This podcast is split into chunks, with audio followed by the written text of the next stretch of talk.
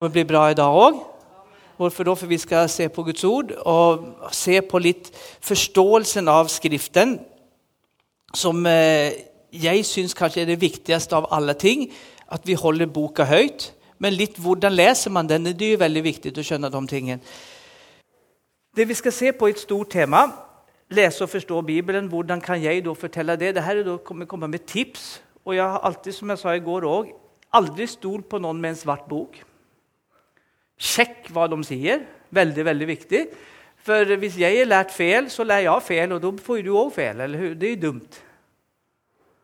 Så stol aldri på noe med en svart bok. Alle sekter bruker denne boken. Jehovas vitner, mormoner de har litt tilleggsskrifter, men de bruker samme bok. Så Derfor er det veldig viktig at du sjekker opp hva står det for noe. Ikke svelg ting rått. Ikke hva jeg heller sier. Amen. Ja, det var en rar predikant som sa det. Ja, men det sier jeg alltid, for det er kjempeviktig. For, for, du har ansvar for ditt liv, og jeg har ansvar for mitt liv. Jeg selvsagt søker Herren så langt jeg ser, og deler det Gud viser meg. Men det er veldig viktig. Jeg har min bakgrunn, du har din bakgrunn. Vi har ting som vi har fått fra ulike hold. Men det jeg skal dele inn på det litt, det er først å se hva Skriften er. Eh, Jesu bibelsyn. For Jesu bibelsyn er det viktigste synet, at vi har samme syn som han. For jeg tror Jesus vet best. Han er jo tross alt ordet som ble kjød. Og sen skal jeg vise da Jesu åpenbaring, den han åpenbarte og gav til Paulus. Paulus i seg selv ikke spesiell, han var kun sekretæren. Det var Guds åpenbaring gitt til Paulus, og så skrev han ned den for oss. Og til slutt skal jeg dele litt på hvordan bibelspråket fungerer, så du lettere kan skjønne hvem skrives det til osv. Det er den tanken jeg har i dag og starte med tips til å lese og forstå Bibelen. Dette er jo først og fremst ikke en bok, det er 66 bøker. Det er et bibliotek av bøker. Det er to pakter, eller testamentet, Det gamle testamentet og Det nye testamentet. 39 bøker i det gamle og 27 i det nye. Og Alt i denne boken handler om kun én ting. Det er Jesus. Sen er det historien om Israels folk og hvordan Guds frelsesplan startet. Og så videre. Han utvalgte Abraham og hele, hele rekken. Men hovedfokuset er alt handler om Jesus. I den gamle pakt var det skyggebilder. I den nye pakt er han åpenbart, og har virkeligheten kommet. Og Dere som har hørt meg noen ganger, vet at jeg har kun Jesus-fokus. Jeg preker bare Jesus, for det er han som er fantastisk. Og Jo mer du blir begeistra for Jesus, jo bedre er det og det har jeg gjort nå i 34 år. Men, men, alt handler om han. Og så Når man da leser Det nye og gamle testamentet For alt er skrevet til oss. Men alt er, ikke skrevet, alt er skrevet for oss, men alt er ikke skrevet til oss. Jeg kommer til å forklare litt mer om det etter hvert. Når startet da den nye pakt? For Hvis vi tar testamentet, så er det jo Matteus 1, Markus 1, Lukas 1 og Johannes 1. Men nå startet det den nye pakt? Er det noen som kan svare på det? Eller vil svare? Den innstifter Jesus dagen før han skal dø. eller hur? Dette er den nye pakt i mitt blod. Så Den nye pakt starter ikke i Matteus 1, men i Matteus 28. Den starter ikke i Markus 1, men i Markus 16. Det starter på slutten. Og Det skal vi også se litt på, for det er veldig viktig å skjønne forskjellen på de tingene. For den nye pakt er der du og jeg lever. Min fru jobba på politiet tidligere når vi bodde oppe i Nordland. Hun er fra Brønnøysund. Så vi bodde der i elleve år. Og Da hadde hun ansvar for testamenter. Og Hun søkte da opp de som har dødd. Ikke søkte ikke opp dem, for de var jo døde, men de søkte opp de etterlatte. Og prøve å finne ut hvem er de etterlatte. Fins det noen testamenter? Er det flere enn ett testamente? Det kan jo være to, det kan være tre, det kan være fire testamenter. Og vet du hvilket som gjelder? Det siste. Alltid det siste. Så det kan ligge Hvis jeg skriver min arv til Aud, og så endrer jeg og så skriver jeg til Svein etterpå, og så får Gert Ove det tredje, så er det det Gert Ove som gjelder. Og det er synd for dere, eller hur? Lura? Nei. Men, men, det er alltid det siste som er gjeldende. Det er det siste ønsket, siste viljen jeg har. Og når det er et nytt testamente eller ny kontrakt, så er det den som gjelder for deg og meg. Sen skal vi lese alt som står i Det gamle testamentet, men da må vi se Jesus i Det gamle testamentet.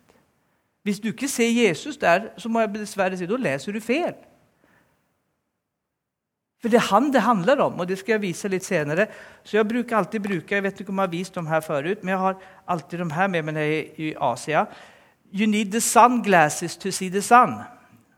Du trenger sønnebrillene for å se sønnen. På engelsk fungerer det bra, ikke så bra på skandinavisk. Men du må ha Jesu briller på deg for å se Jesus. Så det var som Svein bad, åpne våre hjertens øyne, så vi skjønner hva vi har fått i Kristus. For alt er gitt oss. Du kommer aldri få noe mer, men du kommer få oppleve mer. For alt er betalt for redan. Så Derfor trenger jeg da sønnebrillene. Så når jeg leser Det gamle testamentet, så leser jeg 1. Mosebok 3,15 at kvinnens ett skal knuse ditt hode. Satan. Det er Jesus det handler om. Det er Jesus som er kvinnens ett. I deg, Abraham, skal hele verden bli velsignet. Abrahams ett er Kristus, forklarer Paulus i Galaterbrevet. Du må skjønne, det er det Jesus, det er Jesus Mose, Mosebøkene skriver om. Uttog av Egypt. Det er Jesus det er forbilde på. Alt handler om Jesus. Så da trenger jeg Jesu briller på meg, sønnbrillene, solbrillene, som fungerer bra på engelsk. The sunglasses. Og da ser jeg Jesus overalt. Og jo mer jeg ser Jesus, jo mer begeistret blir jeg for Jesus. Alle ofringer i gamle pakt handler om Jesus. Alt handler om ham. Og, og jeg bruker si det sånn, Noen liker ikke det, men det, det sier jeg likevel. Alt som da skygger for Jesus eller tar hans plass, er erstatning. For det er han som er hovedpoenget i alt vi holder på med. Så hvis hovedfokus blir noe annet, så er det ikke helt bra. Så det er Jesus vi har som hovedfokus. Alt er Guds ord. Men det er ikke Gud som sier allting i boken. I første Mosebok 3 så prater Satan. Han lokker Eva. Er vi enig i det? Det står jo i Guds ord, men det er jo ikke Gud, Gud som sier det. Skjønner du forskjellen? Det er det klart du gjør. Du er smart. Eh, så, så, spørsmålet er, det står til og med i Salme 14,1 og Salme 53 og 2 at det fins ingen Gud. står det. Men det står at det er dåren som sier at det finnes ingen Gud. Men det står i boken at Gud ikke fins, men da skjønner du det er ikke Gud som sier at han ikke fins. Det er dåren som sier at han ikke fins. Så Derfor er det viktig når vi leser Skriften, hvem er det som snakker, og til hvem? Her er det dåren som sier at Gud ikke fins. Da skjønner vi at han, han er ikke helt god. For Gud fins. Så det er viktig å ha de her tankene. Sen er det tre typer mennesker Guds ord henvender seg til. Eller I Guds tankeverd så fins det bare tre typer mennesker. Det er jøder, det er hedninger, og det er menigheten. Og Menigheten består av frelste jøder og frelste hedninger. Det er de tre gruppene Guds ord vender seg til. Og Da er det viktig å skjønne du og jeg vi tilhører menigheten. Vi var hedninger, men vi har blivit frelst. Nå er vi Kristi kropp. Nå er vi en del av menigheten. Vi er en del av Kristus. Så da er det viktig å skjønne hvem skrivs det til. Skrivs det til oss, eller skrivs det til jødene? Eller skrivs det til de ikke-frelste hedningene? Og det, det, er sånne ting som er tips og bra å ha. Og jeg anbefaler å lytte på det her om og om igjen, for jeg kommer jo si ganske mye på denne tiden. Og, så det blir mye info. Men det er veldig viktig å tenke etter når du leser. For mange rykker ut et skriftlig. Det står der. Og så, ja, men Det er ikke det det betyr, for du må jo lese sammenhengen. Da betyr det noe annet. Men det, ja, jeg kan jo lage, som jeg viste i går på et av bibelordene vi brukte, jeg kan jo lage den skremselsforkynnelsen av ett bibelvers hvis jeg ikke leste neste. Så Derfor er det viktig hva står sammenhengen. Hvem er det skrevet til? Ta da Jakobs brev, om du får opp Jakob 1.1. F.eks. om du får opp Bare for å vise litt. For alt er skrevet for oss, men alt er ikke skrevet direkte til oss. Hele Jakob skrev selvklart for oss, men hovedfokuset for Jakob er de tolv stammene av Israels folk. Så han henvender seg først og fremst til de frelste jødene. Skal vi se om vi får opp det. Hebrebrevet, hvem er hebrebrevet skrevet til? Til hebreerne. Hvem er hebreerne? Det er de som var frelste jøder. Jeg elsker hebreerbrevet. Det er et av mine favorittbrev. Men hovedfokuset, hovedtanken for den som skrev det, det er for å vise jødene at Jesus er større enn Moses, Jesus er større enn loven, Jesus er større enn Melkisedek, Jesus er større enn englene, Jesus er større enn alt. Så hele hebreerbrevet er skrevet for å vise jødene at Jesus er størst. Det er Jesus det handler om. Men her skriver Jakob hilser de tolv stammer som er spredt omkring i landene. Så hans hovedfokus er ikke hedningene. Det var Paulus som fikk fokuset å skrive til oss hedninger. Det var Paulus' kall. Jeg er hedningenes apostel. Jakob Peter var jødenes apostel. Eller Jakob var pastoren. Ser du det? Så Selvsagt så er hele Jakobs brev skrevet for oss òg, men hovedfokuset, hovedtanken, er til jødene.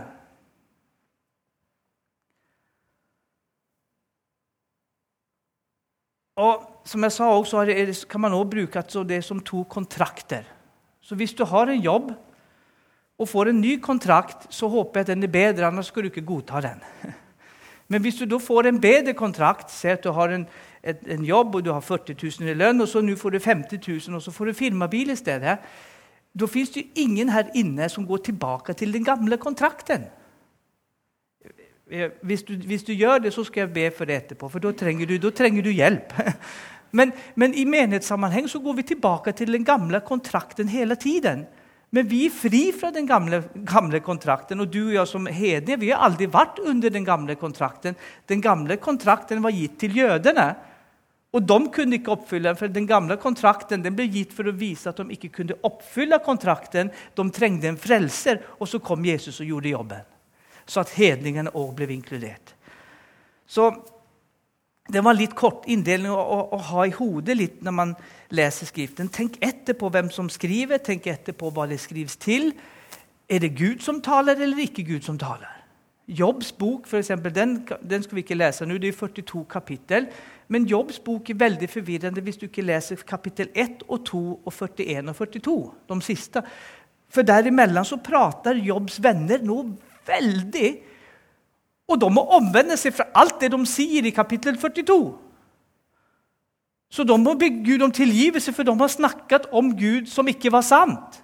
Så hvis du hopper inn i kapittel 4, 5, 6 osv., så, videre, så, så, er ikke det, det de snakker om, som står nedskrevet i boken det, ikke, det står i Guds ord, men det var ikke Gud som sa det, for de må vende om fra alt det de sa. Henger du med? Ni ser nesten litt skremt ut. Det er det, det, det, det, står, så De fikk omvende seg. Jobb til og med sier jeg har talt om ting jeg ikke skjønte. Så Jobb omvendte seg òg og fikk dobbelt igjen av alt sammen. Men der sier Jobb f.eks.: Herren gav og Herren tok, velsignet være Herrens navn. Men det er ikke Gud som sier det, det er Jobb som sier det. For Jesus sier jeg har kommet for å gi liv og liv i overflod. Men tyven, Satan, kommer for å stjele, myrde og ødelegge. Stemmer det? Så med andre ord, det, det, er jobb som sier at Herren gav og Herren tok. For Herren, han gir. Han gir og gir og gir igjen. Ja, mer og mer. Han, han er en sjenerøs herre. Så, så da, må vi tenke ja, men vi må lese gjennom Jesu briller. Alt, alt vi leser, ja, men hva sa Jesus? Vi må se gjennom dem. Stemmer det med det han sa? Og stemmer ikke med det Jesus sa, så som vi så i går, så er det Jesus det eksakte bildet på hvem Faderen er. Han som ser meg, ser Faderen, sa Jesus. Så Jesus kommer og retter opp gudsbildet 100% perfekt. For Jesus er Gud, var Gud og viste oss hvem Gud var. Så alt som da krasjer med Jesus, må Jesus ha rett på. Er vi enige i det? Så for eksempel, Hvis man leser da kontrakten, bare et kjapt eksempel 5. Mosebok 28, det er gitt til jødene. Hvis du holder alt, gjør ditt, ditt, ditt, ditt, ditt så skal du bli velsignet på alle livets områder. Og hvis du ikke gjør det, så skal Gud komme og slå deg med sykdom og plager osv. står det i 66-67 vers at Gud kommer og soper til. Det er noe veldig. Men da må vi se det er Abrahams velsignelse og forbannelse, kalles det kapitlet. Men da må vi se hva sier Jesus om det. Da kommer en kvinne som har gått sånn her i 18 år. Hun var en Abrahams datter. Og så sier Jesus Jesus helbreder henne, og så blir fariseerne og de skriftlige blir sint. Kunne ikke hun kommet på en annen dag? Nå var det sabbat, så de ble veldig rasende på Jesus. Hun blir helbredet på feil dag. Og Da sier Jesus skulle ikke en Abrahams datter få bli fri fra en byrde som hun har hatt under Satan i 18 år, også på sabbaten? Da må vi lese gjennom Jesu briller. Var det da Gud som slog henne med den, eller var det Satan? Jesus sa at det var Satan, som Satan har holdt bundet. Så, andre, så må vi da lese at 5. Mosebok 28 så skulle det kanskje heller vært skrevet at da kommer disse tingene å skje. Men det er ikke Gud som slår deg med alle sykdommer. Men du bryter kontrakten, og kontrakten, når du bryter en kontrakt, så får du konsekvenser av kontrakten. Hvis jeg lever i synd, så får jeg, får jeg konsekvenser av synden. Er du enig i det? Men noen kristne tror at det er Gud som slår meg da. Nei, Jesus har jo betalt for synden. Den fortapte sønnen han gikk bort, men det var ikke Gud som lagde trollskapen for ham. Det gjorde han selv. Pappaen står jo der bare og venter. Det er et bilde på den kjærlige far. Han venter jo på at gutten skal, han visste at han brukte pengene på damer, på festing, på ting som ikke var bra. Er vi, er vi enige i det? Så han var her borte og gjorde ting han ikke skulle gjøre. Men det står ikke at faren strekte sine hender og lagde trollskapen for ham. Det gjorde han selv. Så han fikk da konsekvenser av måten han levde på, og kom helt ned i grisebingen. Og der våknet han. Du er bedre å gå hjem til pappa. For der har alle det bra. Og, da, og når vi leser, da, så har faren kikket etter sønnen hver eneste dag. Stemmer det? Han lengtet etter, og han visste hva han holdt på med. Og når han kom, så sprang han honom i møte. Men hvis han hadde lyttet på farens hjerte hele tiden, så hadde han aldri vært der i utgangspunktet. Da hadde han vært hjemme hele tiden. Men pappaen lagde ikke tullet. Det var ikke en straff fra pappaen, straff fra Gud at han havnet der. Nei, det var en konsekvens av at han levde der selv. Og Det er jätteviktigt, for mange kristne tror at det er Gud som slår deg da. Nei, det er du selv som slår deg. For Jesus har tross alt forsonet all verden. Ni har jo det på veggen. Og Der skulle det stått litt til. Se der Guds lam som bærer bort all verdens synd, som det står. Ja? Så når de bygger om, så fikser de det. Nei, for det der er mitt, favor det er mitt favorittvers. vet du. Han bærer bort all verdens synd.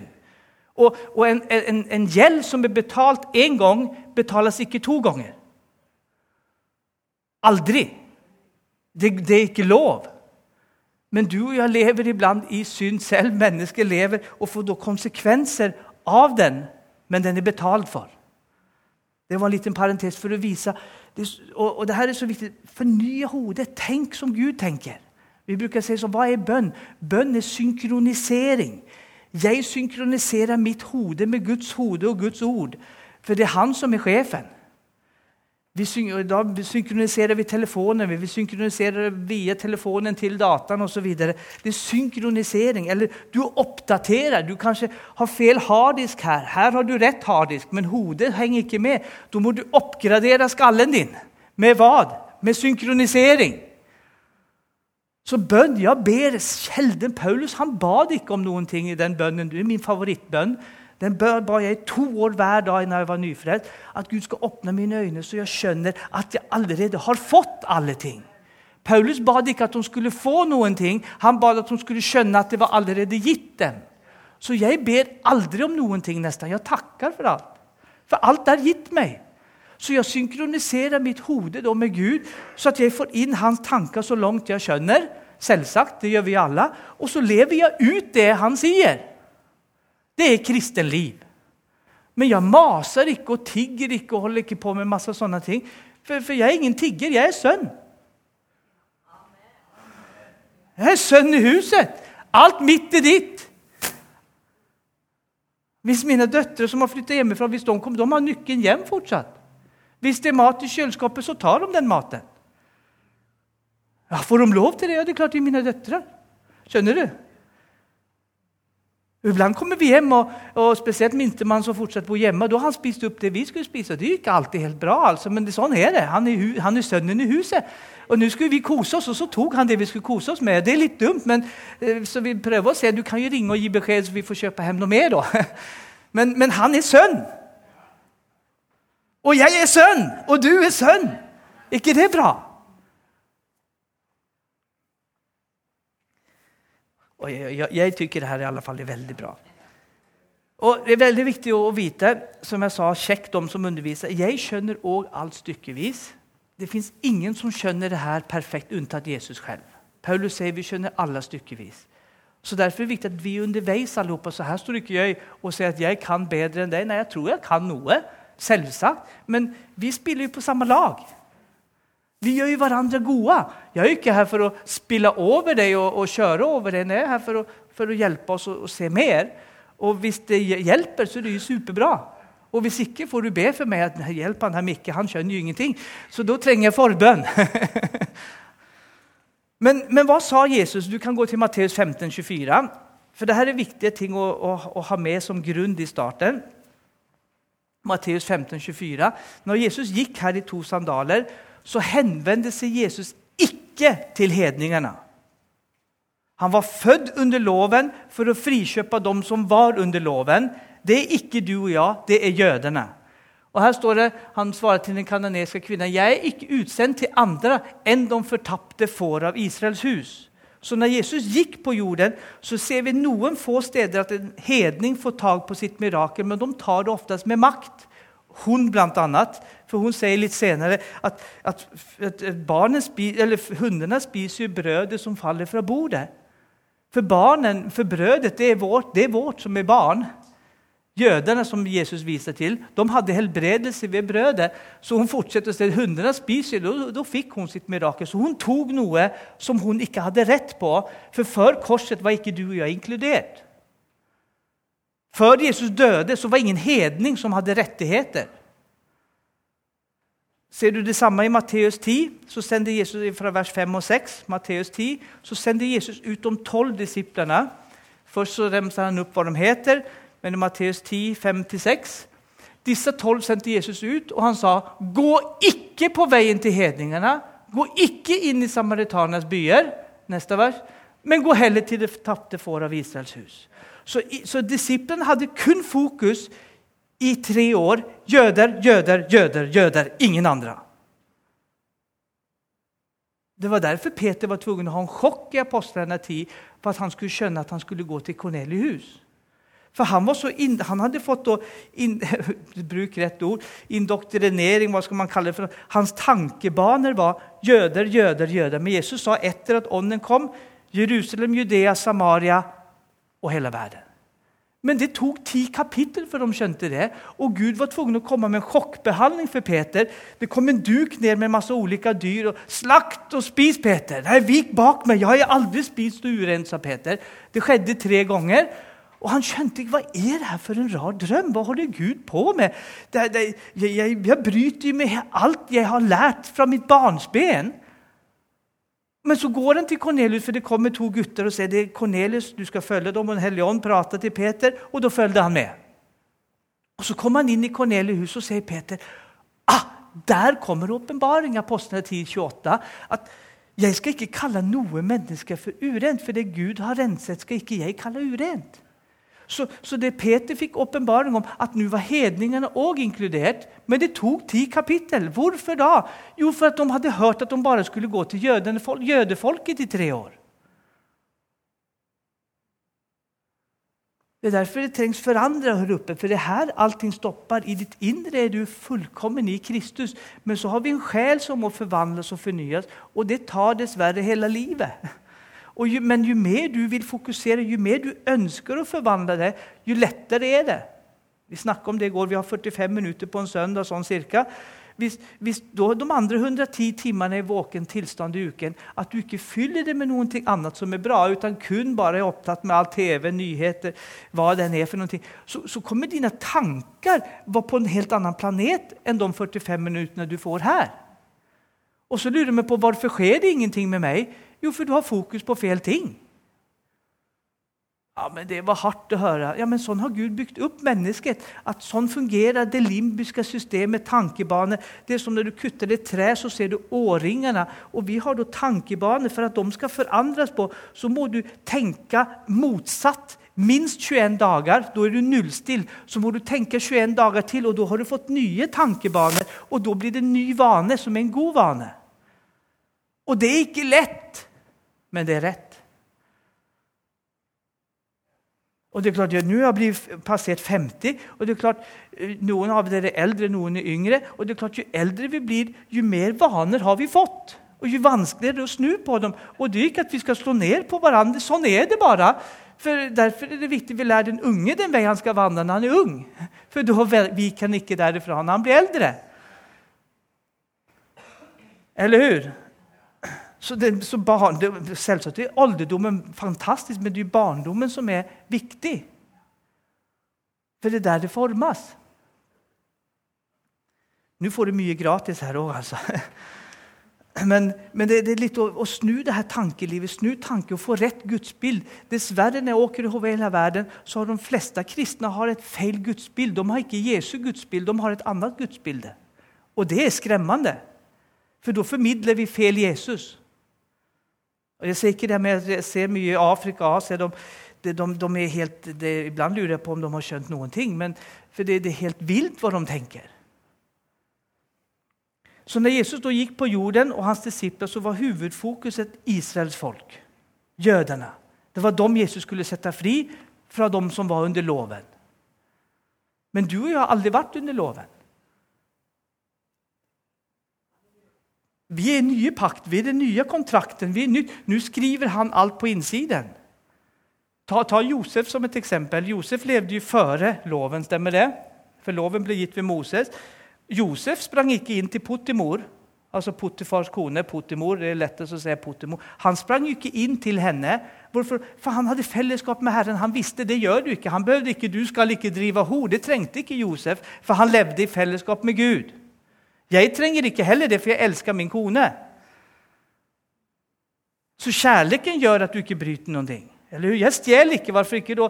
Jeg stjeler ikke for at 'du skal ikke stjele'. Nei, jeg stjeler ikke for jeg vet at jeg elsker, og da stjeler du ikke.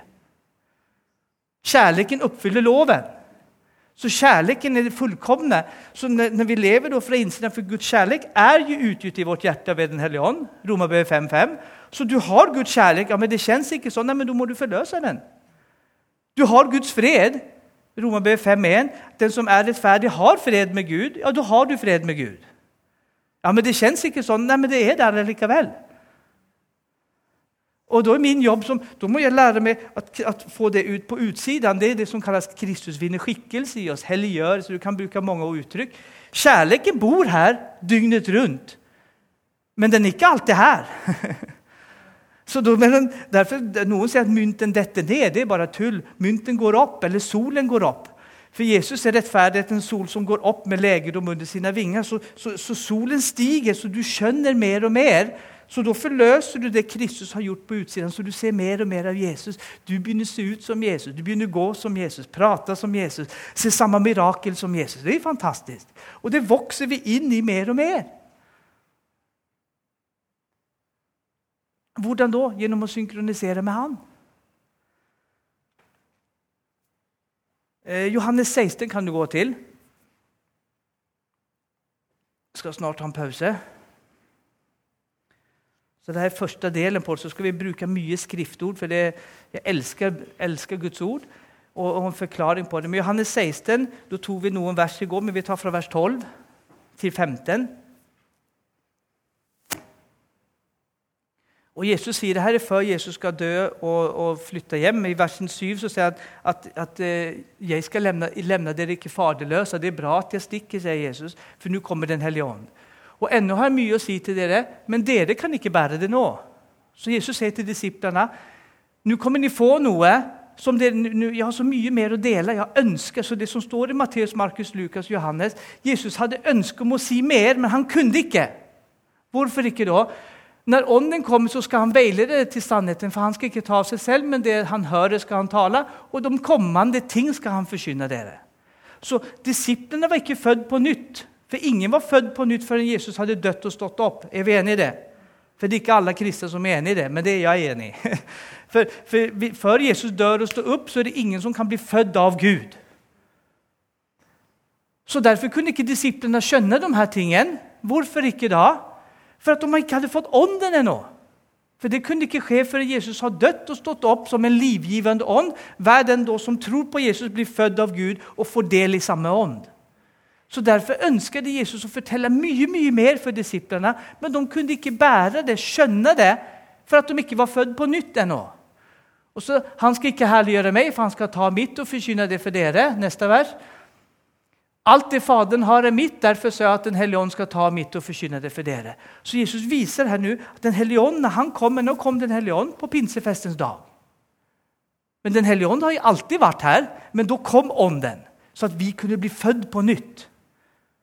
Men Ånden svevde jo over vannene redan i første Mosebok. Så, så Ånden har jo alltid vært her, men da kom Ånden. Troen har jo alltid vært her, men så kom troen Jesus. For han er jo troens opphavsmann og forlender. Så troen har alltid vært her, men så kom troen i, i, i person. Den hellige ånd kom der på pinsefestens dag. Og Fra da av så har ånden vært her, og hver den som tar imot, han får del i samme ånd. Så Derfor kunne ikke Jesus fortelle disiplene. Han ønsket å si mye mye mer, men det gikk ikke. Og Det var ikke for at ikke Jesus ikke kunne, men det var for at de ikke kunne ta imot. De, de hadde ikke rett lys, holder på å si. De hadde ikke rett lampe på innsiden. For lampen er Den hellige ånd. Den hellige ånd er den som viser oss rett. Det er også utrolig, så Når vi leser om Matteus, Markus, Lukas og Johannes, så er det viktig å skjønne her kunne ikke Jesus gi det lyset han ønsker å gi til menigheten. Det kunne han ikke gjøre før etter ånden har kommet. Og Det er det vi skal se på de neste to timene.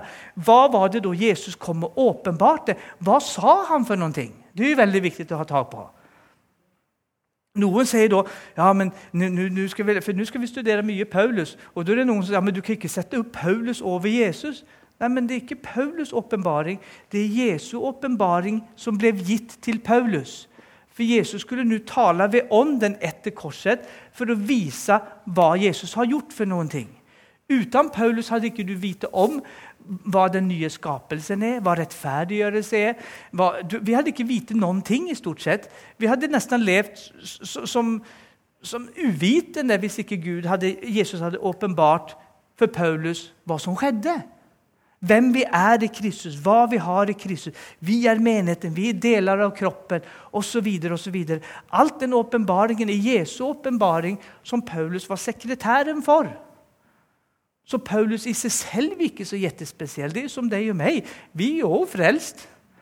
Men i oss selv er vi ikke så spesielle, men han som bor oss, er veldig spesiell. Så vi kan være hans talerør, vi kan være hans sekretærer. Vi kan formidle Jesus. Men det er han som får æren. Og, og, da setter ikke du opp meg over Jesus, håper jeg. Nei, du, tak, du takker Jesus for meg, forhåpentligvis. Og jeg takker Jesus for deg. Hvorfor? For vi er brødre og søstre. Og sen Av og til så er vi mennesker, så vi kan komme med ting som kanskje ikke er fra Jesus. Ja, Da trenger vi korrigering. Jeg og du. Og Det er ikke alltid like rolig, ikke alltid like hyggelig, men eh, sånn er det.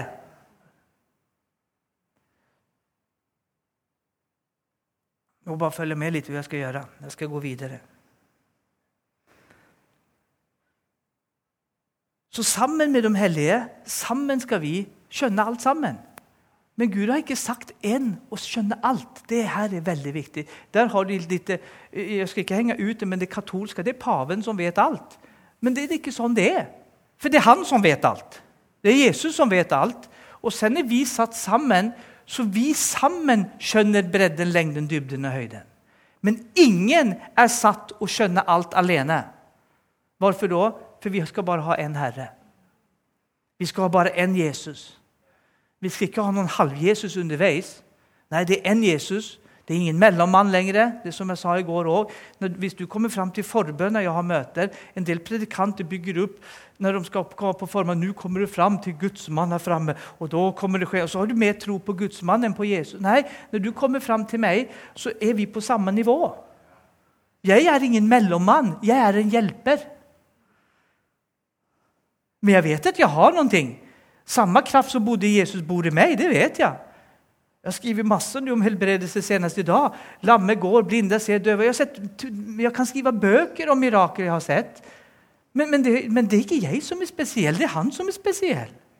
Så når du kommer og jeg ber, så forløser jeg det du har boende i deg, for du har fått det redan. Så da ber vi åpne våre øyne. Hjelp Aud å skjønne det. Hjelp, meg, så ber du for meg, hjelp Mikke å skjønne det. At han får tak på de her tingene. Ja? Og så er vi på samme nivå. Og så går vi til samme Herre. Det, her er jätteviktigt, for det er lett når noen forkynner, bygger du opp en plattform. Jeg, jeg, jeg, har gjort i 34 år så jeg har gjort alt for å rive ned plattformen min. For jeg vil bare at det skal være en som lyser. For Jesus er Bibelens kjerne, og han er Bibelens stjerne. Så alt handler om han. Det fins ingen stjerne unntatt Jesus, men den stjernen bor faktisk i meg, og den stjernen bor i deg. Så han lyser ut gjennom øynene på oss iblant. Han kommer ut gjennom munnen, han kommer ut gjennom hendene. Så han blir synlig, men det er han som blir synlig. Åh, vet du, Nå preker jeg. Oi, det her er bra, altså. For, for, for, for, jeg, alltid, og jeg tar motesagen for å kutte ned opphøyelse av personer. Det er Jesus vi opphøyer. Sen tror jeg på gode forbilder. Paulus er et jättegott forbilde, kanskje det beste etter Jesus som jeg har. Men, men Paulus opphøyer ikke to noe mer. Vi skal følge deres tro, sier Hebrevbrevet. Ikke noe annet. Så jeg kan bli inspirert av troen, som jeg sa til Svein. Den oppdriften av Aud tar piano. Det, det go, det løft, det trøkk. Det er positivt. Du oppmuntrer. Det er en tro som ligger der. Da følger jeg det, men jeg følger ikke etter Aud. Jeg ser hva hun holder på med, og det funker. Skjønner du?